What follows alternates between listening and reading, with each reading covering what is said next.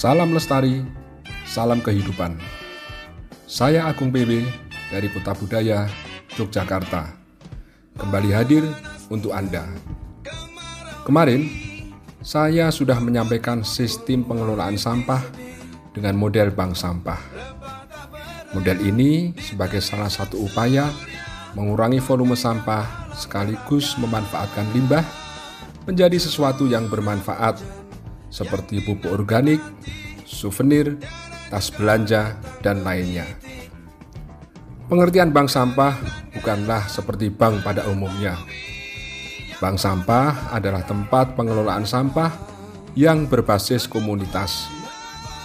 Tujuannya mengurangi volume sekaligus memanfaatkan sampah.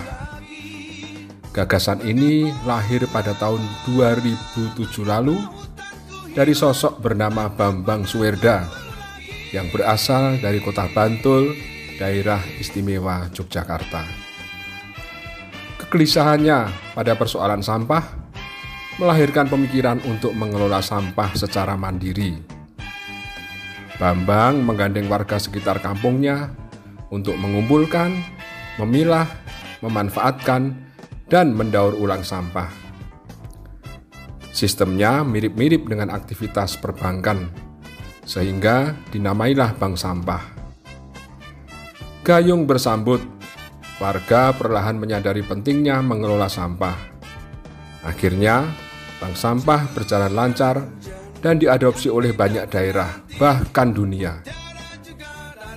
Di bank sampah, warga yang membawa sampah sudah dalam kondisi terpilah-pilah.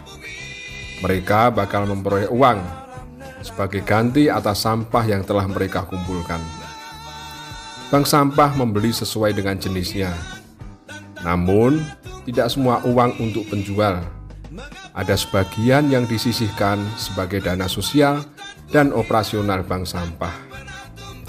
Sampah terpilah ada yang dijual kepada pengepul, perajin souvenir, bahkan petani.